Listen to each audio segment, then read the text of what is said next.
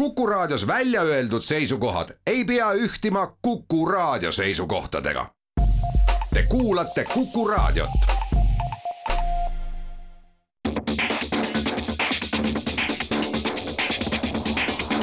autotund. see on saade sulle, kui sul pole päris ükskõik, millise autoga sa sõidad.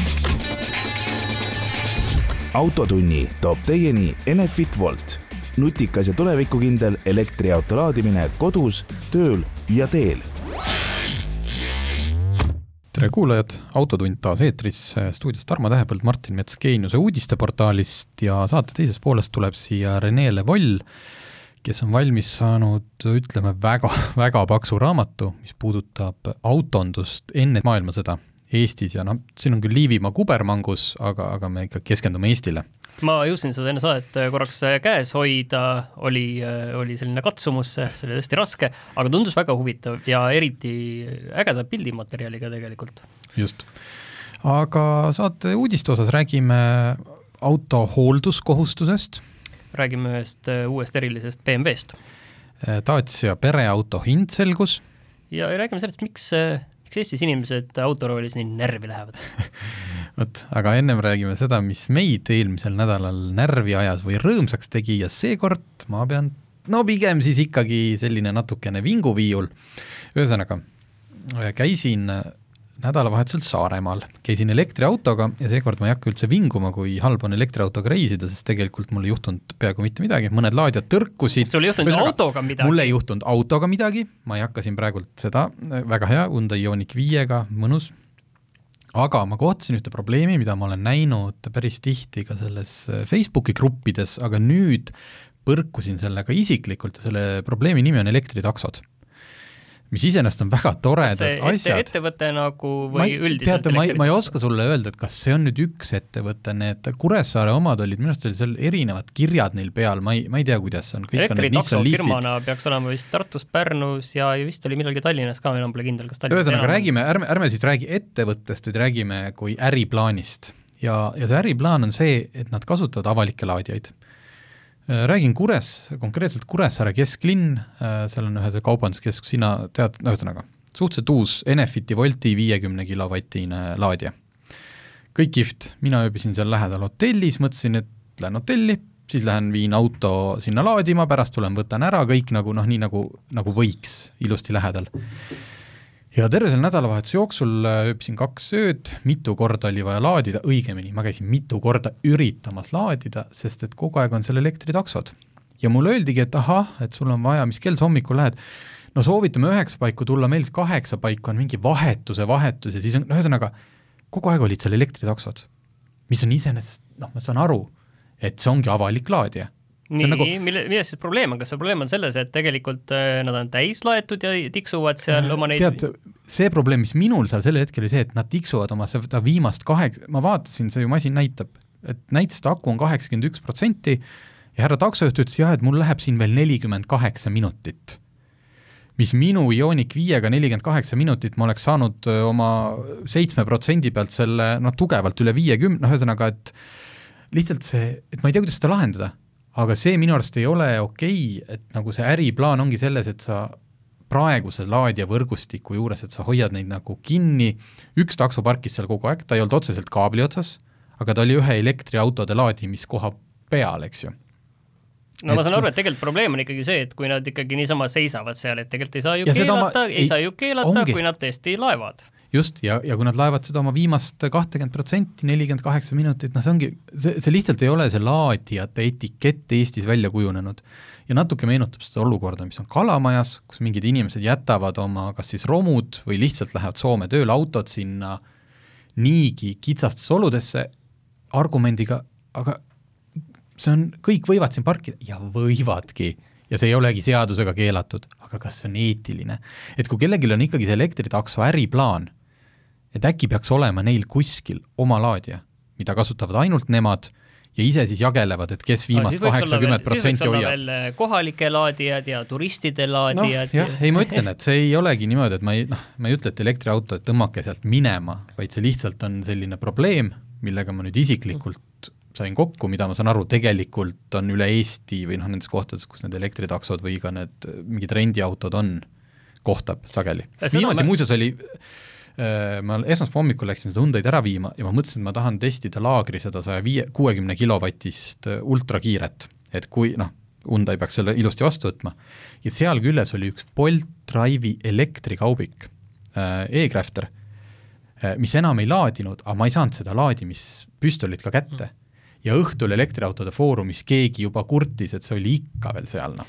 Äh, pärast me räägime sellest tsaariaja autondusest, aga mul on ikkagi, äh, mul oleks nagu väga hea meel, kui keegi paneks äh, kirja ka need vahedad mälestused sellest, et kuidas oli äh, kunagi ammu-ammu elektriautode tulek Eestisse, sest kui ma vaatan ka meil toimetuse chati, siis on tore näha, et kuidas otsitakse taga laadijaid keset Kuressaaret, kus võib veel olla, milline on, äkki sinna saab.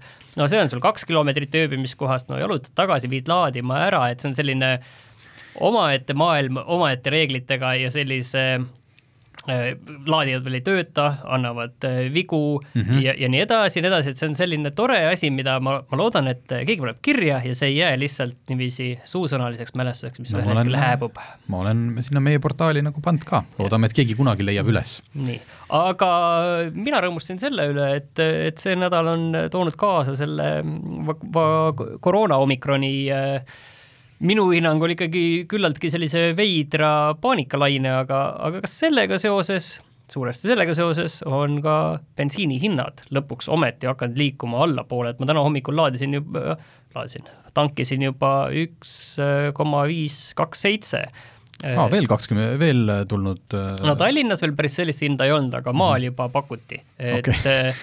et väga tore, et lõpuks oli ka nagu aeg.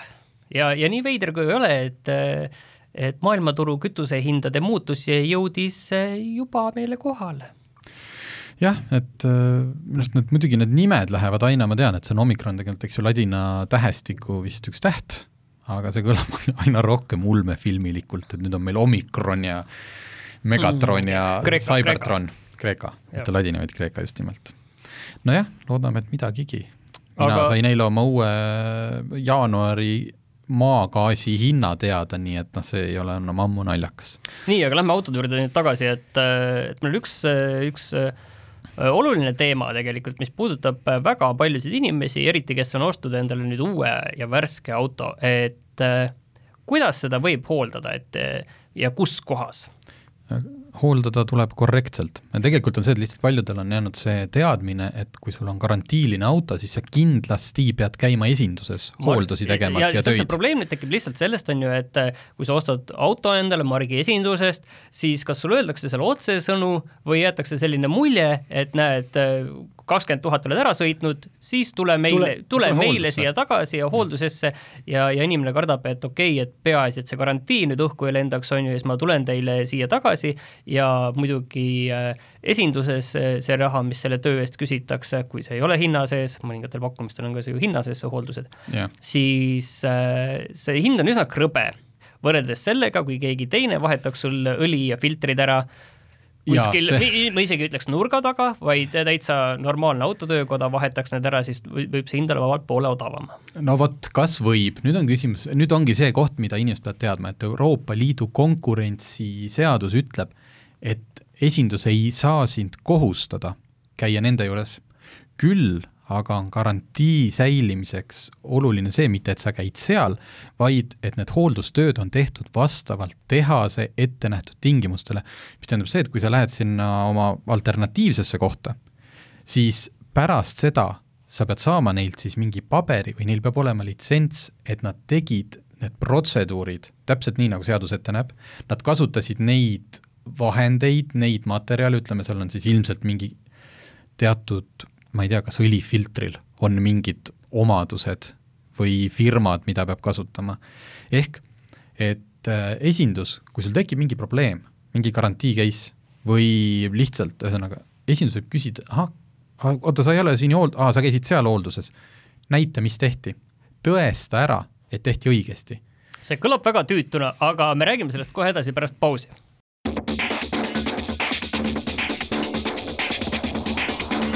autotund. see on saade sulle, kui sul pole päris ükskõik, millise autoga sa sõidad tere tulemast tagasi stuudios, Tarmo Tähepõld, Martin Mets Autogeeniusest ja rääkisime autode hooldusest, et kas seda siis peab garantii ajal esinduses tegema või ei tea, pea, jõudsime selleni, et ei pea, aga sa pead olema pärast valmis tõestama, et see mujal tehtud hooldus vastas tehase nõuetele. See kõlab nagu väga tüütu asi, selles mõttes, et äh, tegelikult äh, et siis enne, kui sa tahad minna autotöökotta X enda hooldust tegema odavamalt, peaksid sa nende käest küsima, et kas nad suudavad äh, anda noh, vajaliku arve põhimõtteliselt. just, et paljudel esindustel on seal veel mingid lisaboonused, et noh, su, et säilib see elektrooniline päevik ja Mersu ütles, et kui sa ei käi nende juures, et siis pärast garantii lõppu sul puudub ligipääs mingitele, vist oli online teenustele, see selleks, aga et sellel asjal võib siin olla teine, äh, mida me siis ka uurisime, pool, mitte see, et sa tahad õudselt raha kokku hoida, vaid näiteks see, et äh, auto sulle ütleb, ma ei tea, või sa tead, et sul on hoolduseni kuu aega või tuhat kilomeetrit, ma ei tea, kas unustad ära või on näiteks hooldusjärjekorrad väga pikad, et sulle pakutakse kahe nädala pärast hooldust.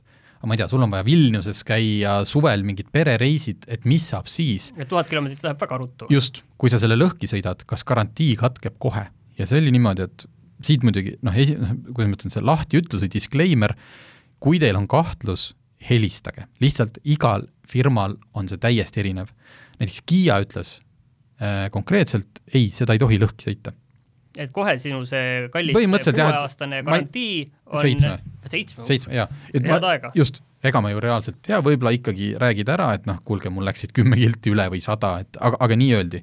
samas Mersu ütles, et kuni kolm tuhat kilti või üheksakümmend päeva et see on aut-, võib üle minna. võib üle minna, et see on hästi erinev, noh, samas on, Porsche ütleski, et paljud asjad on ka case by case, et noh, sa helistad, vaadatakse, kuidas ütleme, mitmes hooldus see on, eks ju, et kas see on ikkagi täisõlivahetus või selles mõttes õli on, vahetust tuleb iga kord teha, aga et ühesõnaga, aga teoreetiliselt ikkagi enamikel oli mingit pidi see ületamine lubatud. ja, ja see garantiid ei katkesta. aga jah, et seda on oluline teada, et ma ei tea, põhiline, mida siit siis kaasa võtta, on see, et äh, rääkige esindusega läbi, enne kui te omale, sest et minu arust uue auto ostmise üks suuremaid väärtusi on see garantii. Ja seda nagu lõhki lasta ei ole tõesti mõtet. nii, aga tahaks rääkida ühest uuest autost, mis eile esitleti ja ma ei saa enam aru, kas BMW trollib meid või ta ei trolli. BMW M-divisjonil kõige legendaarsem asi maailmas, mis teeb M3-e, M5-e, tuleb viiekümnes juubel järgmisel aastal ja selle puhul äh, äh, veidi aega tagasi lubati, tuleb midagi väga erilist. M-divisjonist on siiani tulnud ainult üks auto, mis on ainult, mis ongi ainult M-versioon. teised on kõik, baseeruvad olemasoleval BMW-l ja nüüd nad teevad teise, ainult M-osakonnast tuleva auto. kõik ootasid, mis see on, kas see on M1 järglane, noh. eile näidati, see on kõige rõlgem asi, mis üldse maamuna peale sündinud on see on hiidsuur pistik hübriidmaastur, millel on seitsesada viiskümmend hobujõudu. ühesõnaga, jätame selle disaini kõrvale, äh, siin juba ma olen näinud siin Ameerika autoajakirjanikud juba nagu leiavad, ei no sealt nurga alt on tegelikult täitsa noh, äh, need neerud on läinud lihtsalt suurteks aukudeks keset äh, auto esiosa. tohutult robustne ja jõle elukas. selline Cybertrucki natuke isegi meenutab, võiks öelda. trükige sisse BMW XM ja see kohe tuleb teile, karjub näkku, aga miks ma siin nii ärritunud olen, on lihtsalt see, see BMW nagu küünilisus või nad nagu kaks varianti, et kas nad lihtsalt trollivadki ja teavad, et nad saavad sealt kajastust või on sinna läinud, ma ei tea, Audi või Mercedese mingi sabotöör. lihtsalt, kui sul on M-osakond, kes teeb kohati maailma parimaid sportsedaane ja, ja kupeesid, ja siis sa nagu erilise küünilisusena tood sealt alt välja mingise noh, hiidmaasturi, mis võib olla tohutu võimas, sa võid sinna kaks tuhat hobujõudu ka panna. see, mida inimesed ootasid. just, noh, et see on, öeldakse, et toodetakse USA-s, see on USA turule, aga see on kuidagi nagu sellele viiekümnendale juubelile selline kergelt nagu noh, kõrge kaarega, ma laudselt ei lõpeta. et ma ei tea, ma ei, ma ei saa sellest aru, ja, ja siinkohal ei räägi kindlasti mingi M-divi-, noh, mingi paadunud fännboi. Mul ei ole ühtegi BMW-d, ma ilmselt ka kunagi ei osta, aga lihtsalt see mulle nagu tundub nii, nii, nii, nii vale. aga BMW M osakonna juht ise ütles intervjuus Autocarile, et nad on saanud oma klientidelt tagasisidet, et neile need M-asjad väga meeldivad, aga nad tahaks rohkem luksust ka. nii et palun, palju õnne teile! nii, aga lähme nüüd äh, diametraalselt teises suunas, et äh, Dacia enda seitsmekohalise Joggeri äh, pereauto esitles vist juba tükk aega tagasi, aga nüüd öeldi välja ka selle hind, mis on võib-olla üks siis tähtsamaid komponente niikuinii ka Dacia juures. jaa, see oli tükk aega tagasi, oli täpselt augusti lõpp, septembri algus, käisin seda isegi Pariisis vaatamas ja tuleb tõdeda, et Dacia on teinud väga mõistliku, ma ütleks isegi ilu-, selles mõttes ilus auto et tõesti, kui ma oleks niisugune mõistlik aut-, inimene praegult, kellel on kogu näeb ilusam välja kui see BMW absoluutselt. Seitsmekohaline, et ühesõnaga, Joggeri hind algab kolmteist tuhat seitsesada üheksakümmend, aga siis on ta viiekohaline. et räägime siis siinkohal ikkagi seitsmekohalisest ja see on neliteist tuhat nelisada üheksakümmend eurot. ja kui me siis räägime, et noh, paljudel markidel lisad varustust, siis hind kahekordistub, selle Joggeri hinnakirja järgi kõige kallim versioon maksab seitseteist tuhat, vist oli seitsesada üheksakümmend. Mis tähendab, et ta sisaldab enamjaolt kõike, mida Dacial üldse võtta saab, mida ei ole palju, aga mida on täpselt noh, enamikele täiesti piisavalt. nii et sa saadki omale ilusa, korraliku noh, oluliste asjadega seitsmekohalise pereauto ja kui sul seitset kohta ei ole vaja, siis on sul lihtsalt hiigelsuur pagasiruum. et võrreldes selle Logiga, mis neil kunagi oli, noh, parim pakkumine. väga huvitav, Dacia ikkagi suudab, see on muidugi kiip väga vähem. kui me nüüd tagasi mõtleme, siis muidugi Logi oli ka sisuliselt poole odavam veel, see tegelikult sellest oli ikkagi Just, suhteliselt ulmelise alla kümnetuhandelise hinnaga, võib-olla isegi seitse-kaheksa tuhat eurot. aga jah, et see, et äh, Dacia üle, ületab selle kahekümne tuhande euro piiri ikkagi ainult ta-, nelja, neliveoline Dacia Duster täisvarustuses et äh, väga hästi hoiavad, väga hästi, ma arvan, et sellel Joggeril saab olema päris, päris edukas nii, aga meil on nüüd äh, minut aega rääkida liiklusraevust. Miks eestlastel on nii suur liiklusraev ja, kas neil üldse tegelikult on? Äh, tegelikult äh, see oli Tartu Ülikooli veebiajakiri Peegel, seal Aap Andres Rebas uuris natuke liiklusraevu kohta Eesti teedel. rääkis liikluspsühholoog doktor Gunnar Meinhardtiga, kes muuseas ütles, et liiklusraevu kui käibe, see on käibefraas mm, -hmm. seaduses me seda ei kohta. psühholoogilist terminit vist ka ei ole või rahvusvahelises käsitluses on äh, kasutusel termin agressiivsus. Et, et miks ja mida, et äh, ühesõnaga, mida siis äh, tehti küsitlus Facebookis, kaks suurt gruppi, liiklusinfo Tallinnas, Tartus, mis inimesi närvi ajab ja kõige rohkem ajas inimesi närvi põhjendamatult aeglane sõit. kusjuures mitte kihutamine, et keegi sinust pani mööda, vaid aeglane sõit. ja ma ei tea, see on aga ajab küll närvi ju selle loo pealkirjaks muuseas seal ajakirjas oligi, et äh, uimerdavad sõidukijuhid ajavad närvi, sest eestlane on harjunud piirkiirust ületama. vot ma ei tea, kas nüüd see, see nüüd nagu nii tõsi on, aga tegelikult ei aja ju närvi äh, uimerdajad, vaid tegelikult ka mind ennast ju noh, mis siin tuleb ausalt tunnistada, ajavad ju närvi need uimerdajad, äh, kes ei lase endast sel juhul mugavalt ennast, endast mööduda, et oleks siis aeglaselt sõitmine on täiesti okei okay,, aga, aga laseks siis ilusti enda tagant auto ja sinna tekib ju peaaegu kolonn, on ju, et äh, laseks need ilusti-kenasti mööda ja kõik oleks äh, okei okay ja ma saan aru, et sellisel juhul liiklusraevu Eestis peaaegu ei olekski. jah, ja noh, natuke seal võib tulla ka see, et, et äh, inimesed sõidavad tänapäeval, pooled sõidavad Waze'i järgi ja pooled sõidavad spidomeetri järgi ja juba sealt tuleb äh, umbes seitsme-kaheksa kilomeetrine vahe. Vot aga teeme siia väikse pausi ja siis tuleb juba stuudiosse Rene Levoll ja Andero Kaha, kes räägivad meile sellest hiidsuurest ja paksust raamatust.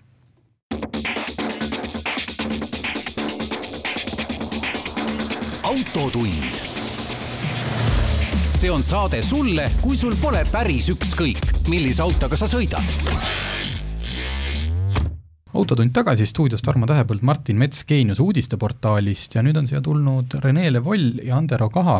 Andero on meil autolehe kaasautor ja Rene Levoll on kokku pannud sellise raamatu, mille nimi on Automotokroonika tsaariaeg.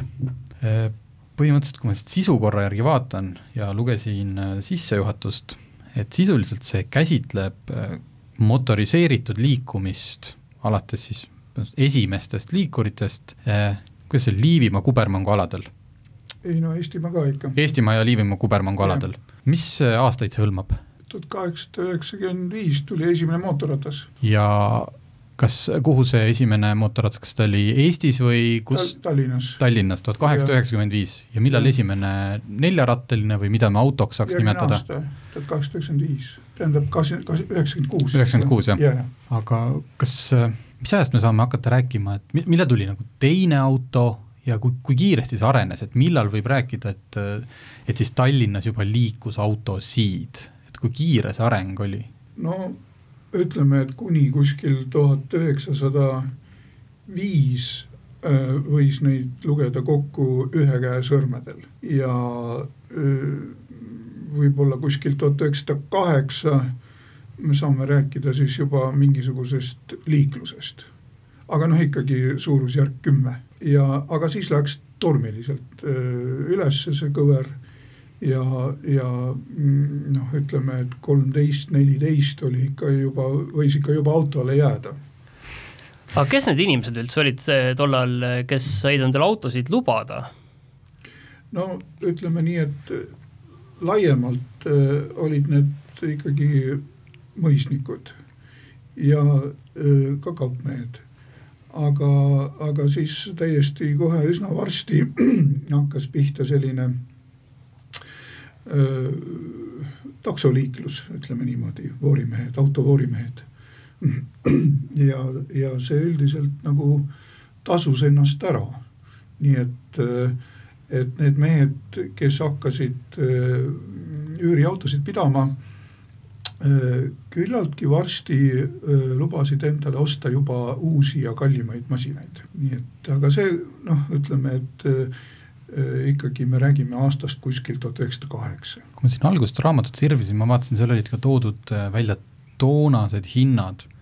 kas ta on kuidagi üldse võimalik tänapäeva mõistes, noh ilmselgelt ei olnud see kõigile kättesaadav, aga kas auto, kas neid oli vähe lihtsalt sellepärast, et noh, keegi veel ei julgenud, ei teadnud või ta oli ikkagi tõesti no nii rik-, noh, täiesti nagu tähendab, ma, olen vaadanud tead neid hindasid äh, äh, ja kõige mm, lihtsam, kes Vene aega mäletab, on seda võrrelda kõva Vene rublaga mm. -hmm.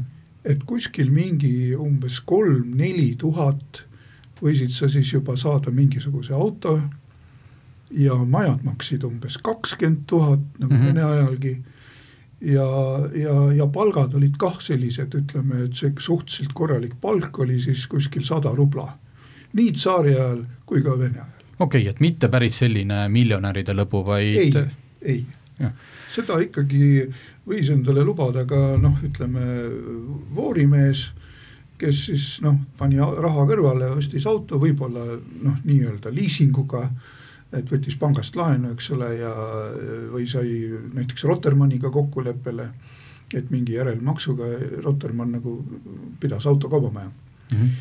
Ja, ja, ja see mingil ajal ikkagi tasus ära ja maksis oma võlad ära ja, ja nii et jah, ei, see ei olnud mil-, miljonäride lugu. Põhimõtteliselt äh, sellest kommentaarist ma siin saangi aru, et ka juba enne teist või seda esimest maailmasõda Eestis täiesti see autokaubandus jõudis tekkida.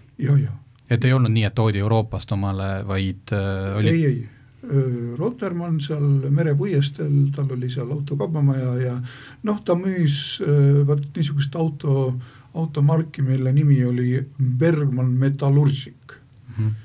et äh, neid oli siis üsna palju siin liikumas tänu temale, aga ta müüs ka muid autosid ja ja, ja ma mäletan siis, kui rekvireerimine oli neljateistkümnendal aastal, siis tegelikult riik maksis nagu ostudokumentide põhjal noh, nagu kompensatsiooni mm. -hmm.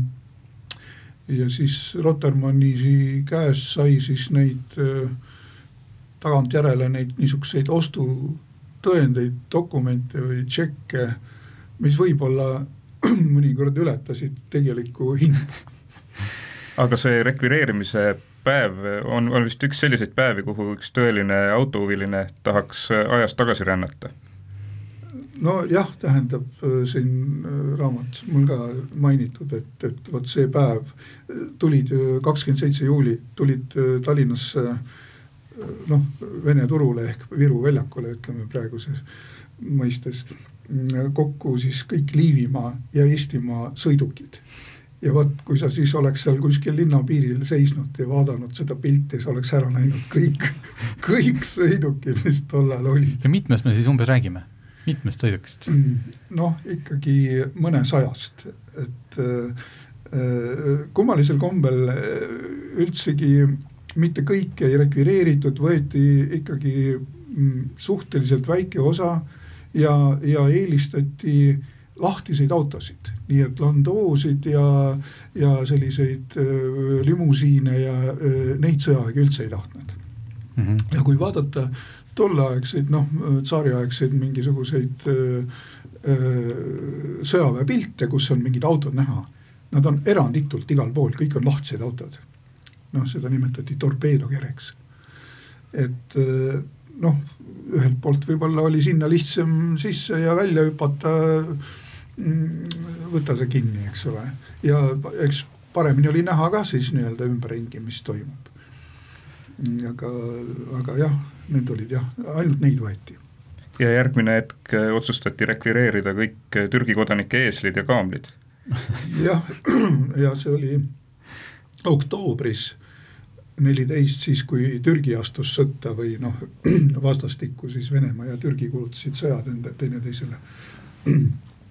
siis tuli noh, selline üleriigiline ukaas rekvireerida kõik äh, Türgi alamate sõidukid, kaasa arvatud siis eeslid ja muulad ja kaamelid ja ja need ukaasid jõudsid siis ka Eestis igale poole, noh kaasa arvatud Saaremaale või Hiiumaale ja siis need äh, kohalikud äh, omavalitsejad pidid siis aru andma, mitu kaamelit nad seal siis rekvireerisid aga tegelikult siit on nagu aru saada, et äh, auto, et äh, tol ajal ikkagi võrreldi veel ikkagi väga konkreetselt veel äh, noh, ütleme, et hobusega. millal, millal auto selline praktilisus hakkas päriselt ületama hobuse oma, ütleme liig-, noh, võib-olla veel mitte veotranspordina, aga inimveotranspordina, et sai kiiremini ja sai kaugemale. millal need autod nii valmis said?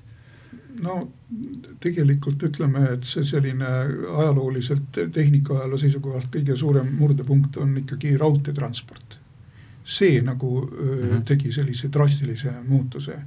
autode ja hobuste vahel see konkurents niimoodi kulges veel üsna, üsna kaua, nii et veel Eesti aja lõpus oli voorimehi ja, ja automehi ja seis, seisid nad koos seal kõrvuti ja ja, ja tihtipeale ei saanud nad omavahel hästi läbi. aga, aga vaatamata sellele, no aga transpordi mõttes küll jah, ütleme, et kui, kui tulid veoautod mm. -hmm et siis loomulikult veoauto vedas ikkagi noh, ikka mitu tonni, eks ole, ei olnud probleem seal peale panna ja, ja ja kui vaadata jällegi fotodelt, kus veetakse mingisuguseid äh, aurukatlaid või noh, niisuguseid raskeid asju, eks ole, et, et noh, seda hobusega vedada ei saanud. nii et ütleme, et sõiduautode koha pealt noh, kui mõelda taksosid ja, ja, ja hobuvoorimehi, siis nad olid kõrvuti veel pikalt, aga, aga kui noh, ütleme sellise suuremate veoste ja noh, ütleme ka ratsionaalsuse mõttes, et, et sul jõudis kiiresti punktist A punkti B kohale, eks ole, koorem mingisuguseid õllekaste mm, -hmm. siis äh, ikkagi veoauto oli hobusest igal juhul ette. et äh, teeme siia ühe väikese pausi ja siis räägime sellel põneval teemal edasi.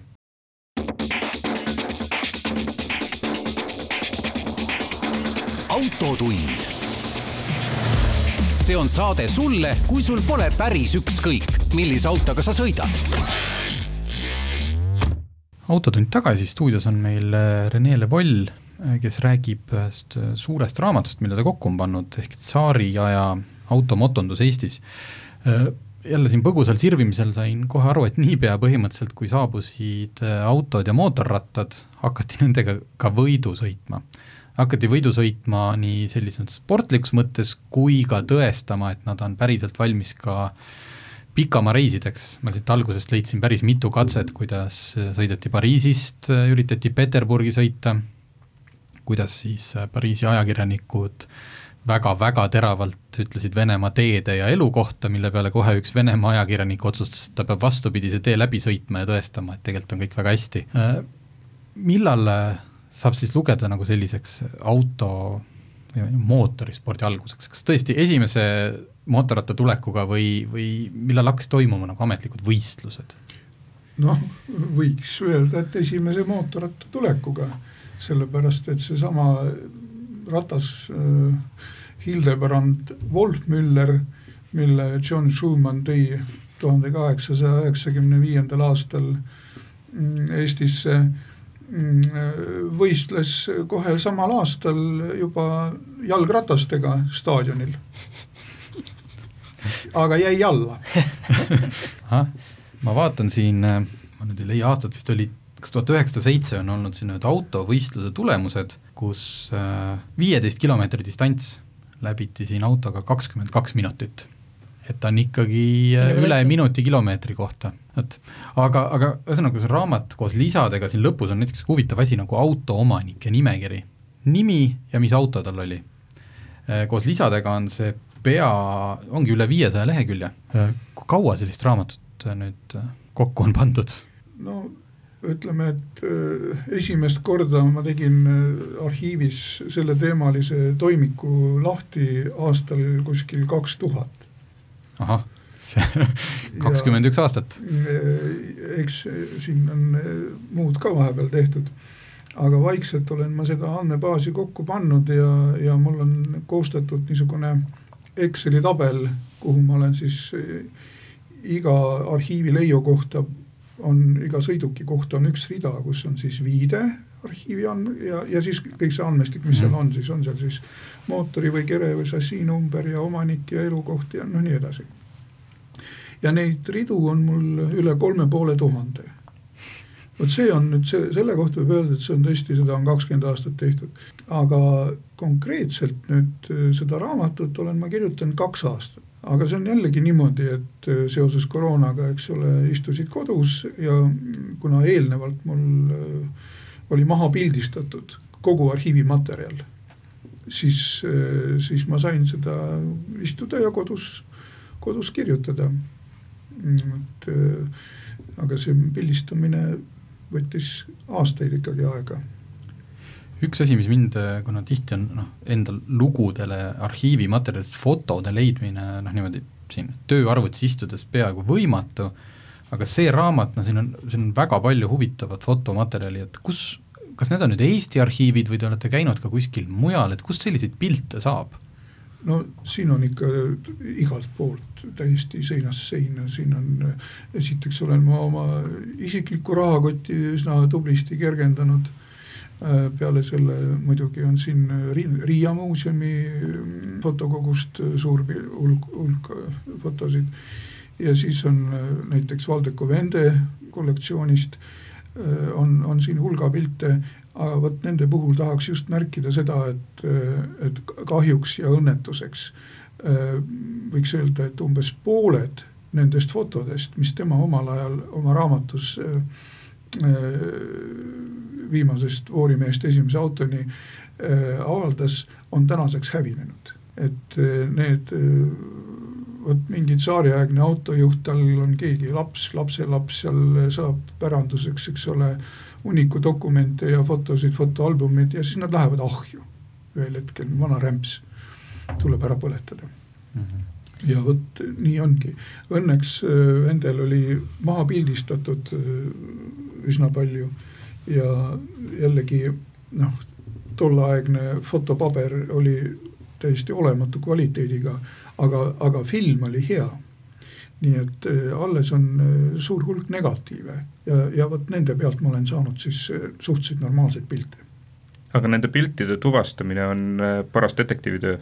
tihtipeale küll jah, et siin neid nägusid ära arvata, kes on kes, see on ikka täitsa, täitsa põnev, noh, ütleme siin nende noh, ma üsna palju olen siin tähelepanu pööranud just kolmandale Victoria sõidule tuhat üheksasada neliteist, mis algas Tartus siis Raadi mõisast ja lõppes, lõppes Riias sellega, et lõpubanketile tuli telegramm, et sõda on alanud.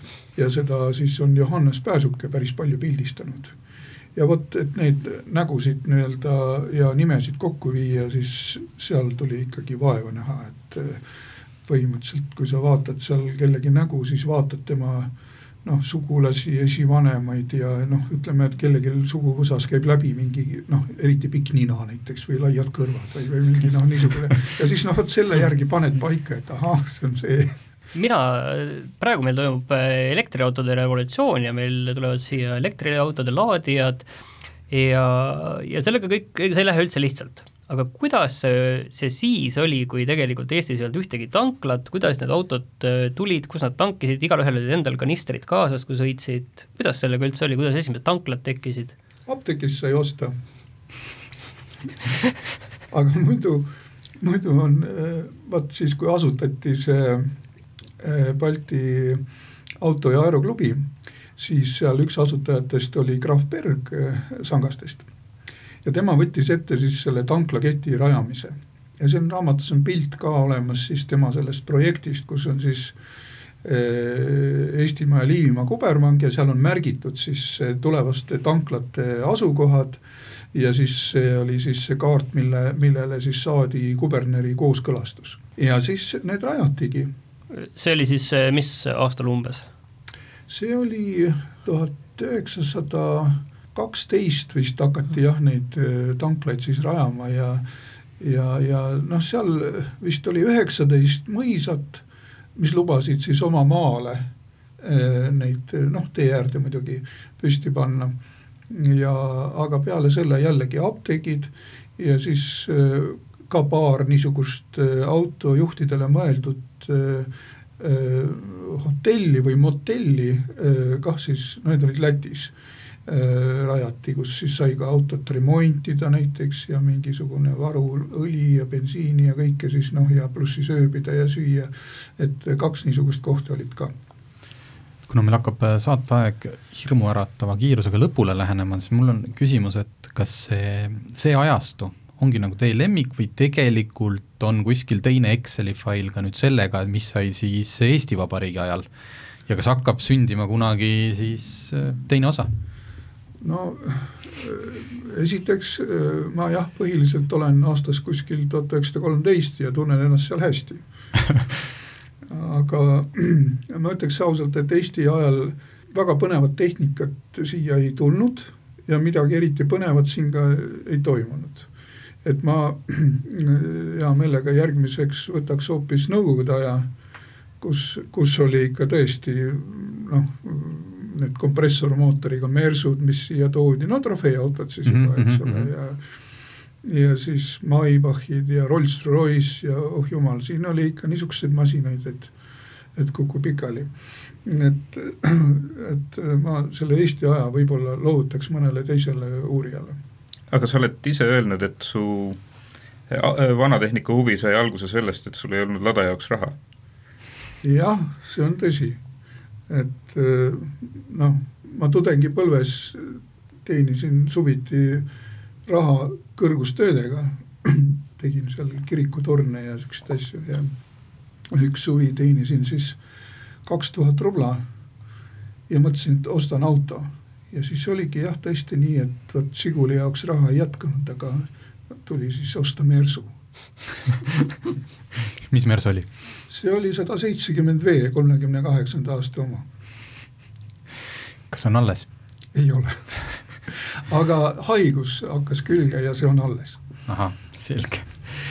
nii, kindlasti saaks veel pikalt ja ma loodan, et me tulevikus saame teha võib-olla pikema saate veel, aga ma siis ütlen, et see raamat on, ta on nüüd juba müügis, eks ju. nimi on Automotokroonika, Saari aeg, suur paks, väga selline toekas pruun raamat Rene Le Voll on autor ja tõesti autohuvilisele, auto ja ajaloo huvilisele noh, mina, minu arust pildimaterjal oli siin täiesti mega, väga, väga kihvtid pildid ja selline sissevaade. aga aitäh, et tulite.